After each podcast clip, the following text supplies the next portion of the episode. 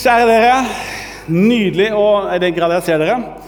Himmelske Far, vi kommer inn for ditt ansikt denne søndagen. Vi vet at du vender aldri ansiktet ditt bort fra oss. Du snur oss aldri ryggen, men du oppsøker oss. Du ser oss inn i øynene. Når vi senker blikket fordi vi tenker at vi egentlig ikke fortjener din oppmerksomhet, eller tenker at vi ikke har noe å bidra med, så er ditt blikk fortsatt der og ser på oss med varme, med glede. Og du sier navnet vårt. Ingen her som følger denne gudstjenesten fysisk eller via skjerm, er ukjente, navnløse for deg. Det er en stor tanke. La denne kvelden få lov til å være mettet av ditt gode nærvær. Amen. Vi er inne i en serie som vi har begynt som vi kaller Hverandre. Og um, Vi har snakket om å elske hverandre, tilgi hverandre. I dag skal vi snakke om å tjene. Nydelig å høre din fortelling, Vetle. Eh, han sa jo 'kollega', og det er jo helt riktig. Men jeg tenker jo du er mer venn, du er mer bror. Eh, så det er mange ord vi kan bruke, men det er kjærlighet. Vi skal få lov til å bygge et hverandre. I Det nye testamentet brukes dette begrepet 'hverandre' mange ganger. og Det sier oss mange ting, bl.a. to ting. Det ene er at i den første kirken så var de opptatt av fellesskap. De elsket hverandre, de støttet hverandre, de ba for hverandre. Det var en sterkt opplevelse av et oss, et vi, et hverandre. Og det andre som vi kan se, det er når Jesus selv setter et direkte fokus på relasjoner.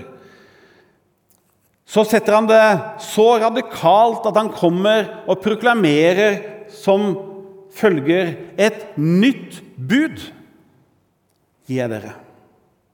Dere skal elske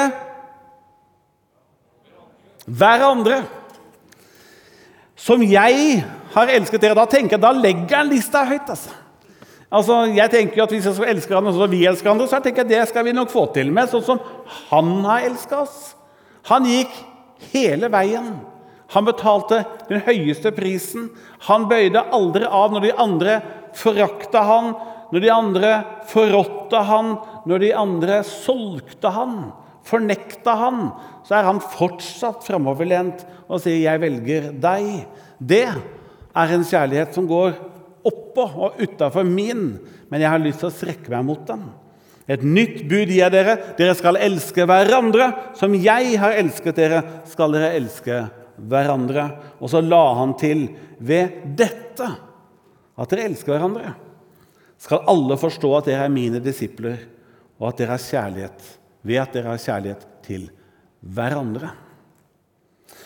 Når Jakob skulle skrive sitt brev og ta for seg et av de mest sentrale kristne ordene, dette ordet 'tro', så skrev han hva hjelper det, søsken, om noen sier at han har tro, når han ikke har gjerninger? Og bare tre vers lenger ned, etter at han først kommer med et lite eksempel, og eksempelet er som dette at hvis noen ikke har klær eller mat, så hjelper det ikke å bare si 'gå i fred og hold dere varme og spis dere mette', dersom dere ikke gir dem det kroppen trenger. Og så skriver da Jakob og understreker slik er det også med troen i seg selv, uten gjerninger. Da er den død. Og så har jeg tatt et litt vågalt grep og jeg sier tro om ikke vi kan si det samme. Slik er det også med kjærligheten i seg selv, uten gjerninger. Er også den død? For jeg tror det er det samme med kjærlighet som med tro. At hvis en aldri uttrykker seg, viser seg i kjærlighet, da har den egentlig ikke noe liv.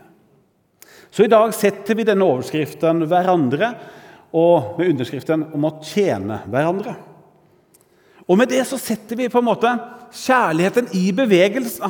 Vi gir den armer og bein, vi gir den lyd, og vi gir dem tusener av måter å uttrykke seg på. Vi skal få lov til å tjene hverandre. Jeg er jo en enkel fyr fra Brumunddal. Så jeg vil gjøre det kjempeenkelt for dere som er her i dag. Jeg skal egentlig snakke om to ting, to ord. Det er hverandre og tjen. Så sjansen for at du har sjanse til å huske noe, er til stede. Hva er det jeg skal snakke om i dag, forresten? Så dere har glemt allerede. Jeg tenkte to ord bør man klare, tenkte jeg. Men hverandre og tjen. La oss først se på dette ordet 'hverandre'. Hvem er hverandre i din verden? Hvis jeg sier til deg at du skal tenke tanken du, nå skal, vi nå skal vi støtte og hjelpe hverandre. Hvem hadde dukka opp i tanken din da? Er det kollegaene dine, er det vennene dine, er det familien din, er det kirka di? Hvem er hverandre? Jesus han introduserer et begrep, et, et ord eller to ord, som egentlig kanskje aldri har lyktes veldig å bli helt integrert i hverdagsspråket vårt. Og det er dette begrepet 'din neste'. I engelske bibeloversettelser så står det 'neighbor' som nabo. Vi finner det bl.a. i Matteus kapittel 5. Da sier Jesus, 'Dere har hørt det er sagt:" Du skal elske din neste og hate din fiende. Men jeg sier dere, elsk deres fiender. Velsign den som forbanner dere. Gjør godt mot den som hater dere, og be for dem som mishandler dere og forfølger dere. Slik kan dere være barn av deres far i himmelen. Hvem er egentlig min neste? Det er den mystiske personen som er litt vanskelig å få tak i. Denne min neste som Jesus faktisk ber meg om å elske. Jeg forstår ut fra konteksten at det ikke nødvendigvis her er ment familien min og det nærmeste nettverket av venner rundt meg, selv om Bibelen ved flere anledninger sier at vi skal ta vare på familien og våre nærmeste. Og Noen ganger så omtaler han også Kirken, altså oss som åndelige søsken, som framfor alt tar vare på troens søsken. Men i denne sammenhengen så løfter Jesus blikket og utvider sirkelen. Han går mye lenger. Han sier at det er ikke bare familien og det nærmeste. Han går så tydelig og sier at om dere elsker den som elsker dere, er vel det noe å lønne dere for?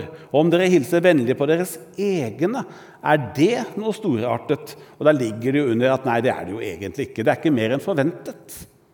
Så det er tydelig at Jesus løfter blikket lenger ut og setter sirkelen langt utenfor våre aller nærmeste.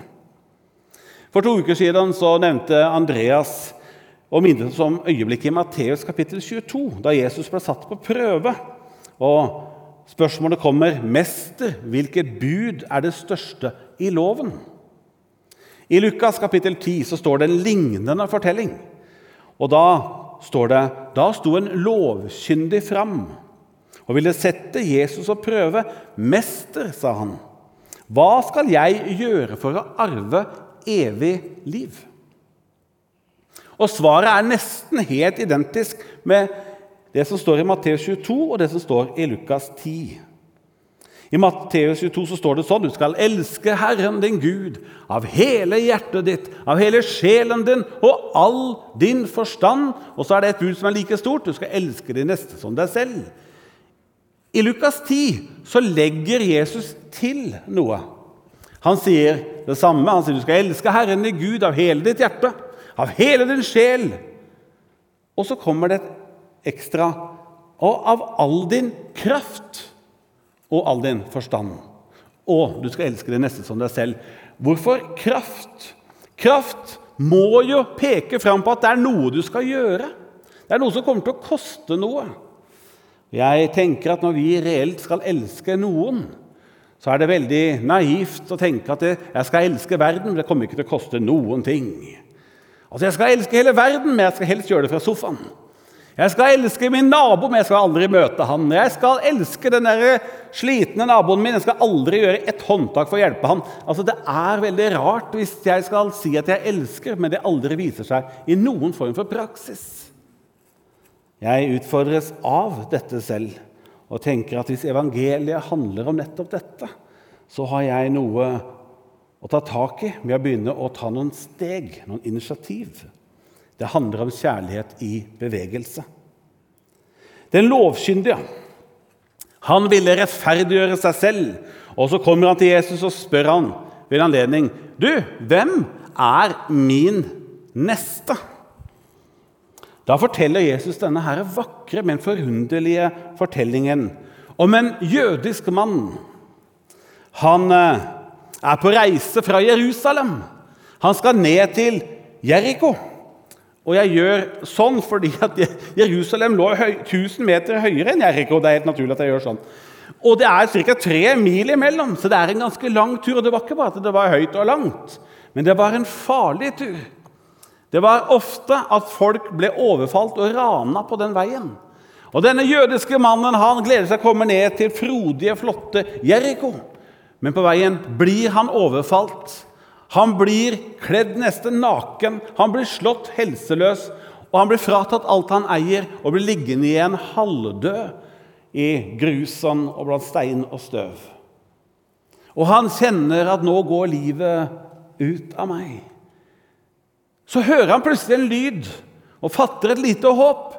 Han kikker opp, og så ser han til sin store glede at det kommer en landsmann. Det var en annen jøde. Og det var ikke bare en annen jøde, men det var til og med en av Guds menn, en prest fra tempelet. Da har du jo all grunn til å forvente at nå er det noen som virkelig kommer til å hjelpe meg. Men når denne presten kommer nærmere, så ser denne utslåtte, ødelagte mannen i grøfta at denne presten oppdager han, blir nervøs, kikker seg rundt og forter seg forbi uten å hjelpe. Han nektet å ta en risiko for at han selv skulle bli slått ned, eller han nektet å ta ubehaget med å hjelpe. Håpet, skuffelsen Åh. Men så hører han lyden av én til. Og igjen løfter han blikket og igjen tennes faktisk håpet en gang til, for nå er det en levitt. Det er også en som jobber i tempelet med en del praktiske oppgaver der. Og Det er jo også en av liksom, de innviede, en av de vi kan forvente mye av. De som på en måte gjør tjeneste innenfor Gud. Så han tenker, denne mørbanka, ødelagte mannen, at det blir kanskje et håp allikevel. Men når denne levitten kommer nærmere, så oppdager igjen at det er det samme blikket. Han oppdager den ødelagte, slåtte mannen som blør. Han blir nervøs, kikker seg rundt og forter seg forbi uten å hjelpe. Han nekter å ta ubehaget og risikoen. Nå ligger denne halvdøde mannen full av støv og skitt og tenker dette går ikke. Og mens han nå kjenner at motet forsvinner og håpet dør, hører han lyden av en til som kommer. Han vet ikke om han skal våge engang å tenke at det er noe håp, men han kikker. Og Så ser han at det kommer et esel, og på det sitter det en mann. Men nå var liksom alt håp ute. For den som sitter på eselet, det var en samaritan. Og en samaritan og jøde de likte ikke hverandre. Jødene hadde ingenting til overs for disse forferdelige samaritanerne. Men når samaritanen kommer, nå skifter takten i Jesu fortelling. Og Til nå har det jo vært en fortelling som ikke overlater mye ære til hans eget folk, jødene. Men fortellingen er ikke slutt. Nå står det Men en samaritan som var på reise, kom også dit han lå. Og da han fikk se ham, fikk han inderlig medfølelse med ham. Han gikk bort til ham og helte olje og vin på sårene hans og forbandt dem. Så løftet han mannen opp på eselet sitt og tok han med til herberget og pleiet ham. Neste morgen tok han fram to denarer, ga dem til verten og sa, 'Sørg godt for han, og må du legge ut mer, så skal jeg betale deg når jeg kommer tilbake.' Den lovkyndige, han som hadde stilt spørsmålet 'Hvem er så min neste?' Han sto der sammen med alle de andre folkene og følger med på denne historien som Jesus forteller. Det var ærlig talt en litt sånn ubehagelig og uventa slutt. De likte ikke at samaritanerne ble helten, men som egne folk som presten og levitten av jødisk ett de på en måte ble the bad boys i denne fortellingen.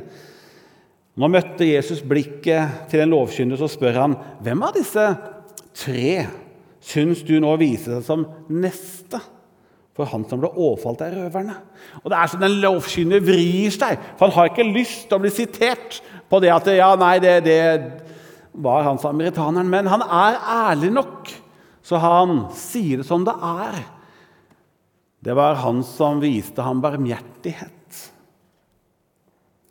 Og Etter at jeg har lest denne fortellingen om og om igjen, så sitter jeg med en litt sånn merkelig følelse av at spørsmålet til den lovkyndige 'Hvem er min neste?' på en måte ble snudd på hodet. For jeg har alltid tenkt at min neste det er et menneske med et eller annet behov som jeg skal bidra og hjelpe til med. Så liksom, Når jeg tenker min neste, så kommer jeg liksom litt ovenfra og så kikker ned på noen som jeg skal eventuelt være med å løfte. Men det er ikke det som er fortellingen her. Her er det faktisk samaritanen, han som hjalp hadde ressursene. Det var han som var den neste. Og Jeg har sittet og undra meg på dette. Hvem er Jesus? Hvem er min neste? Og så innser jeg at i Jesu måte å se verden på, så er egentlig alle potensialt min neste. En neste kan komme med et behov som jeg kan få lov til å kanskje gjøre noe med. En annen neste kan være en som kommer og hjelper meg når jeg har et behov. Og så kan jeg få lov til å være neste, jeg òg, og hjelpe noen. Det å få lov til å se at det nesten, kan nesten være alle som kommer inn i mitt liv, er en stor tanke. Og jeg skjønner at jeg må faktisk utvide min utsikt og mitt perspektiv i møte med de menneskene som dukker opp i mitt liv på en helt vanlig dag. Og Jeg har bedt denne bønnen mens jeg forberedte meg til denne søndagen. Jesus, lær meg å tenke og handle rett neste gang min neste dukker opp i min hverdag Kanskje i form av en nabo, en kollega, en medstudent. Lær meg å se og gjenkjenne når jeg skeptisk møter en fremmed, en jeg ikke vet hvem er, ikke kjenner fra før. Eller når jeg kommer i behov, og noen kommer og vil hjelpe meg, og jeg er skeptisk å ta imot, for jeg syns det er vanskelig å ta imot hjelp. Vis meg at dette menneske. La meg forstå at dette mennesket kanskje er min neste, som er sendt av deg inn i mitt liv. Enten for at jeg skal hjelpe deg, eller kanskje få hjelp. Det er når vi gjør dette og strekker oss fram og hjelper eller tar imot hjelp, at verden blir så utrolig vakker. Det er dette vi kaller solidaritet og nestekjærlighet. Det er dette som ligger i hjertet av evangeliet. Det er da, når vi gjør dette, når vi utvider berøringssirkelen vår Flere mennesker som vi kan få lov til å komme i berøring av. Det er da mitt liv med ett blir større og langt mer preget av kjærlighet enn før. Det er en kjærlighet som strekker seg utover mot andre, men den strekker seg jammen meg innover mot mitt liv også. Så hvem er nå hverandre i ditt liv og mitt liv. Hvem er din neste? Noen ord om dette å tjene. Også her berører vi et helt sentralt begrep i kjernen av Guds rike og Guds hjerte. Hør Jesu egne ord. Slik heller ikke menneskesønnen er kommet for å la seg tjene, men for selv å tjene og gi sitt liv som løsepenger for mange. Slik er heller ikke menneskesønnen, altså Jesus, kommet for å la seg tjene. Man er kommet for å selv tjene. Og gå så langt som at han gir sitt liv som en betaling, en løsepenge, for mange. I militæret finnes det mange utmerkelser som blir gitt når noen har ytt eller ofret mer enn det man kan forvente. Og i Norge er Krigskorset den høyest rangerte utmerkelsen, og den rangeres foran alle andre ordener og medaljer. På en måte løfter Jesus en, en, en, en, framfor en, en form for verdiskala som gjelder Guds rike. Han sier i Matteus 20, 20, 26.: Den som vil bli stor blant dere, skal være tjeneren. Og Det ordet som brukes på gresk, er diakonos, altså diakon. Være en som hjelper alle. I Guds rike rangeres nestekjærlighet og det å fortjene andre høyere enn nesten noe annet. I sine avskjedsord til disiplene sier Jesus noe viktig og tankevekkende om seg selv. Hvem er vel størst? Den som er gjest ved bordet, eller den som er tjener? Er det ikke gjesten, sier han. Men jeg, sier han, er som en tjener, en diakon, blant dere. I en verden hvor vi er vant til mennesker som regjerer, de regjerer med å befale, de setter seg høyere, de gir instrukser, de er vant til å løftes over de andre står plutselig Guds sønn fram som den knelende Gud. Vi har en Gud som like naturlig tjener som han befaler eller lar seg tilbe. Hvorfor? Fordi det er kjærligheten som definerer Gud. Og det er kjærligheten som definerer handlingene hans. Og når han ser at noen har falt dypt, da nøler han ikke med å gå dypere ned for å løfte dem opp. Det er min Gud. Det er Bibelens Gud. Den kristne kirken tilber den knelende Gud. Det betyr at den kristne kirken må også være den knelende kirken hvis den skal ligne på Gud. Og Da de vise mennene fra Østen kom for at de skulle møte denne nye kongen som var født, da gjorde de det som naturlig var. De dro til hovedstaden, til Jerusalem. Og snart var de i det fineste lokalet og palasset og bygget i byen. Men det var ikke der han var. Hvor var han hen, da? Jo, han var på det simpleste, billigste som fantes. Han var i en stall i et mindre, dårligere sted. Og hvorfor i all verden måtte han legges i en stall, da? Jo, for han kom ikke for å bli beundret og tilbedt. Han kom for å tjene. Det sier veldig mye om vår Gud, som skal tilbes gjennom tid og evighet. Men han er ikke kommet der bare for å trone over en menneskehet. Han har kommet for å bøye seg ned, for å løfte den, forpleie den, forbinde den. Det er den knelende Gud. Og jeg håper at han skaper i Filadelfia-kirken en knelende kirke. For hvis vi, Jesus hadde kommet fysisk til Oslo i dag, så tror ikke jeg at det er Altså, Vi ender fort opp og går på de fineste stedene. Men det er ikke på Slottsplassen 1 antagelig vi hadde funnet han. Skulle du funnet han, da måtte du gått dit hvor det var mest nød og størst behov. Og Der hadde du ikke funnet han sittende litt sånn stående og følge med supervise. Nei, han hadde stått med opprettede ermer. Han hadde stått på kne med de mest lidende. For sånn er vår Gud. Han er kommet for å tjene dem som er i behov og i nød. Og Det finnes ikke ett menneske over tid som ikke befinner seg med behov eller i nød. Han er kommet for å tjene deg og han har kommet for å tjene meg. Og jeg håper at i prosessen han gjør noe med mitt hjerte, så jeg blir en tjener på samme måte som han. Det er derfor jeg lar utfordringen lyde i Filadelfia-kirken i dag. En utfordring som handler om å la oss bevege oss lenger bort fra et meg og nærmere et hverandre. Jesus gjorde det hele tiden.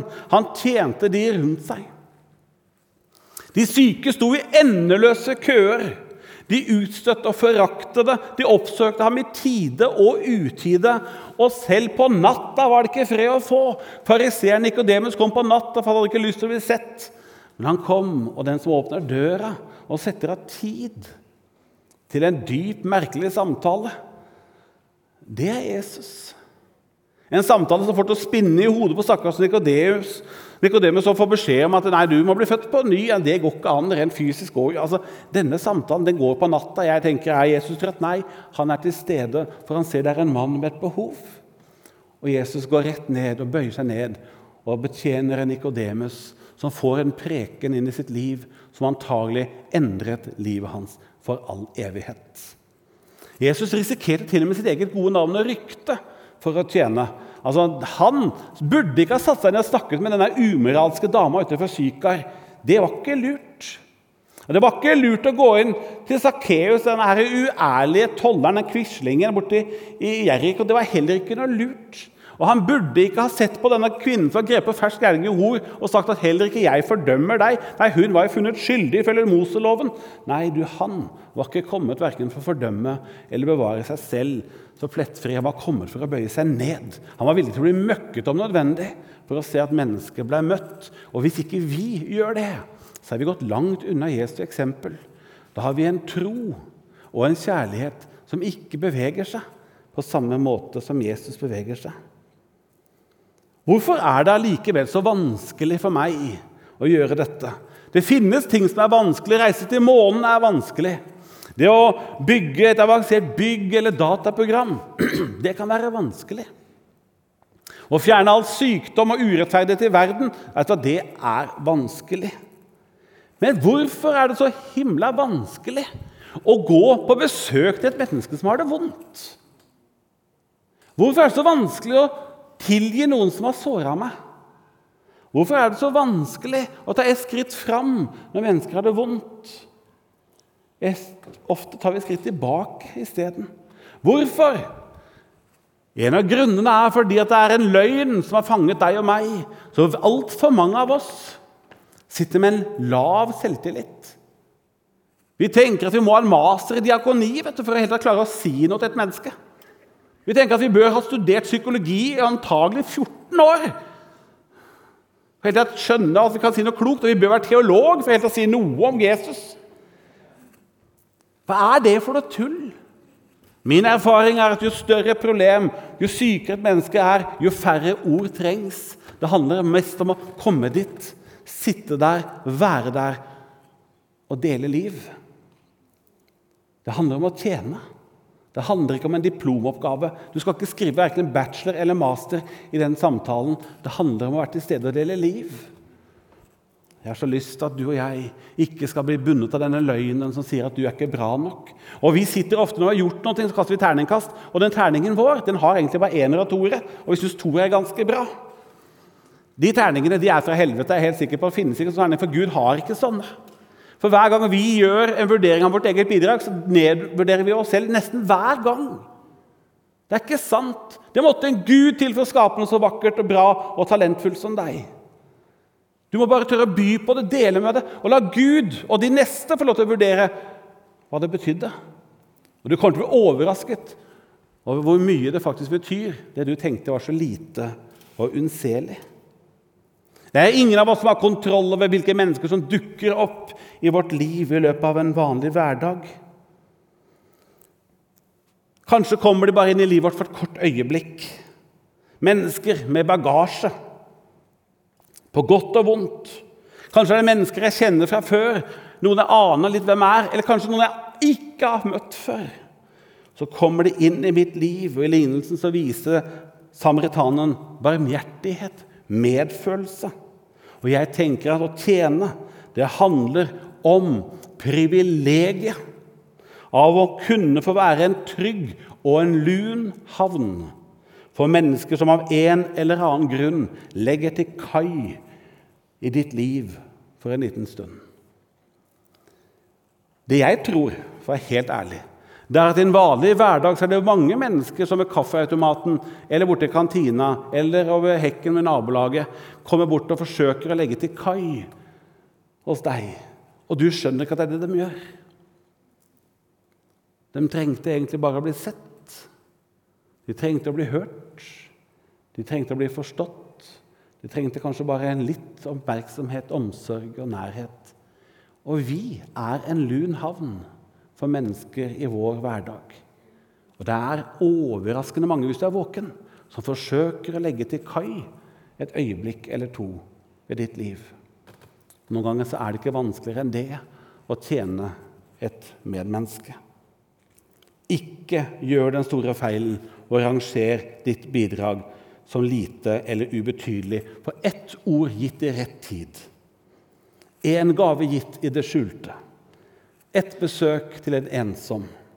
En utstrakt hånd til en som opplever seg glemt eller ubetydelig.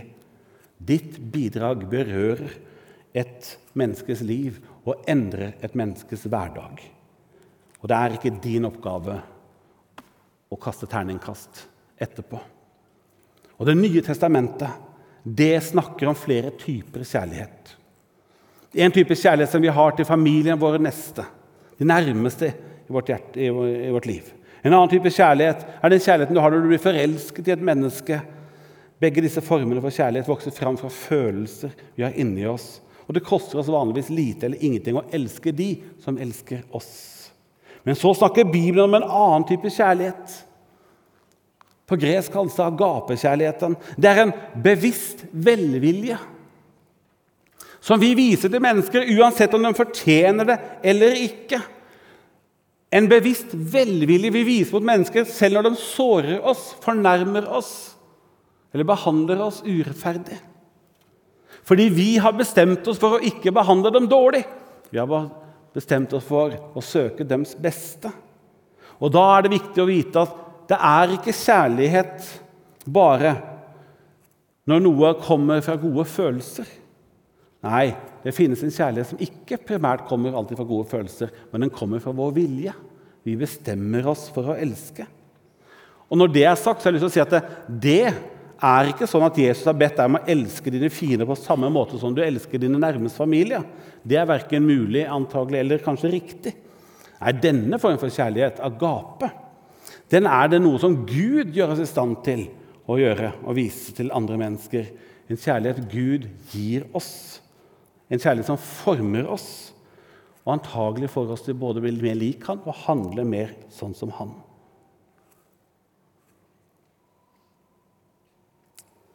Jesus har faktisk bedt oss om å være fullkomne. Vær da fullkomne, sier han i Matteus 5.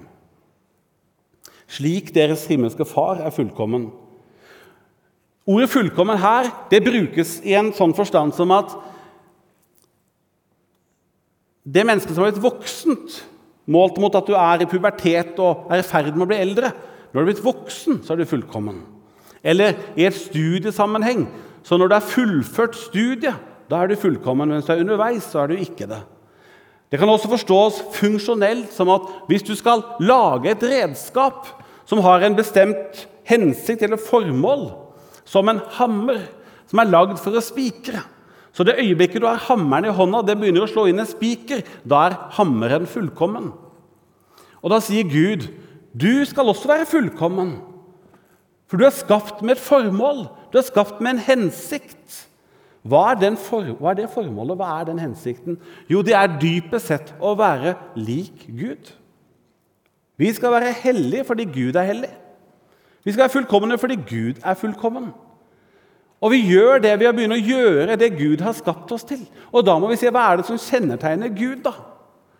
Jo, En av tingene som kjennetegner Gud, var at han gikk utover og tjente alle. En av de måtene vi blir fullkomne på. Vi er skapt for å elske Gud av hele vårt hjerte, hele vår sjel, all vår kraft og all vår forstand. Og vår neste som oss selv. Når vi gjør dette, ikke bare sier det og snakker om det, men gjør det, da er vi fullkomne, slik som vår far er fullkommen. Å tjene er å være lik Gud. Mennesker ble skapt til å være lik Gud. Et menneskes formål. Du er skapt med et hensikt og et formål. Og du skal få lov til å vokse lik Gud. Det er sagt at den som elsker, står alltid i gjeld. Så når vi tjener, så er det ikke for å synes. Det er ikke for å oppnå applaus, og det er heller ikke primært for å vinne andres respekt. Vi gjør det fordi vi selv er blitt elsket, og det er naturlig å elske tilbake. Det går an å tjene ut fra plikt. Det går an å tjene ut fra å ønske prestisje og anerkjennelse og ære. Men det var ikke disse motivasjonene som var driverne i Jesus. Da bør de kanskje heller ikke primært være våre. Vi tjener fordi vårt eget hjerte tvinger oss til det. Det er akkurat som jeg hører ordene fra Johannes 7, 37, at det skal bli i deg en kilde som veller fram. Dette sa han om den ånd de skulle fått. Og Den hellige ånd, ikke undervurder hva han kan gjøre i deg.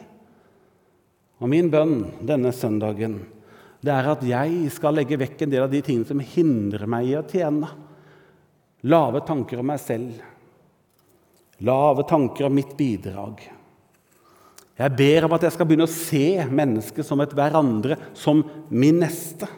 Jeg har lyst til å være våken når noen legger inn til kai ved mitt liv. Og jeg ber om at jeg skal kunne få til å være en lun havn for mennesker midt i hverdagen. Noen ganger er det bare en samtale på noen minutter. Noen ganger er det en samtale som tar lengre tid, kanskje en medvandringstid. Kanskje er det venner for livet. Jeg vet ikke. Men jeg har lyst til å være en havn. Og så står jeg da her i dag, en enkel fyr fra Brumunddal, og utfordrer meg selv og kanskje deg til å utvide berøringssirkelen rundt ditt og mitt liv. Så vi kan invitere inn og inkludere mennesker rundt oss til et vi, et oss, et hverandre. Og Jeg ønsker selv i mitt liv å ta et steg fram for å ligne mer på Jesus i det jeg søker å tjene de menneskene som for et øyeblikk eller lenger legger til kai i mitt liv. Jeg er fullstendig klar over at det er Gud som kan hjelpe alle, men jeg kan definitivt bety noe for noen. Jeg søker å bli mer full, fullkommen. Med det mener jeg mer lik Gud. Og en av de tingene han har vært utrolig god på, var å tjene andre. Jeg tenker jeg er skapt til å være med å tjene. Den som velsigner, blir velsignet. Den som gir, skal se at det er en større ofte glede å gi enn å få. Himmelske Far. Ord åh, Ord kan bety absolutt ingenting, men ord kan også bety absolutt alt. Dine ord, hvis de når mitt hjerte, kan forandre livet mitt. Dine ord kan sette kjærligheten i bevegelse i mitt liv. Jeg ber deg om at jeg skal evne å bli mer lik deg og begynne å inkludere en større krets rundt mitt liv. Jeg kan ikke være bestevenn med alle, men jeg kan være våken for alle de menneskene som legger til kai ved mitt liv. Hjelp meg å elske dem slik du elsker dem. Og hjelp meg til å gi noe fra deg til dem, og noe fra meg til dem. Amen.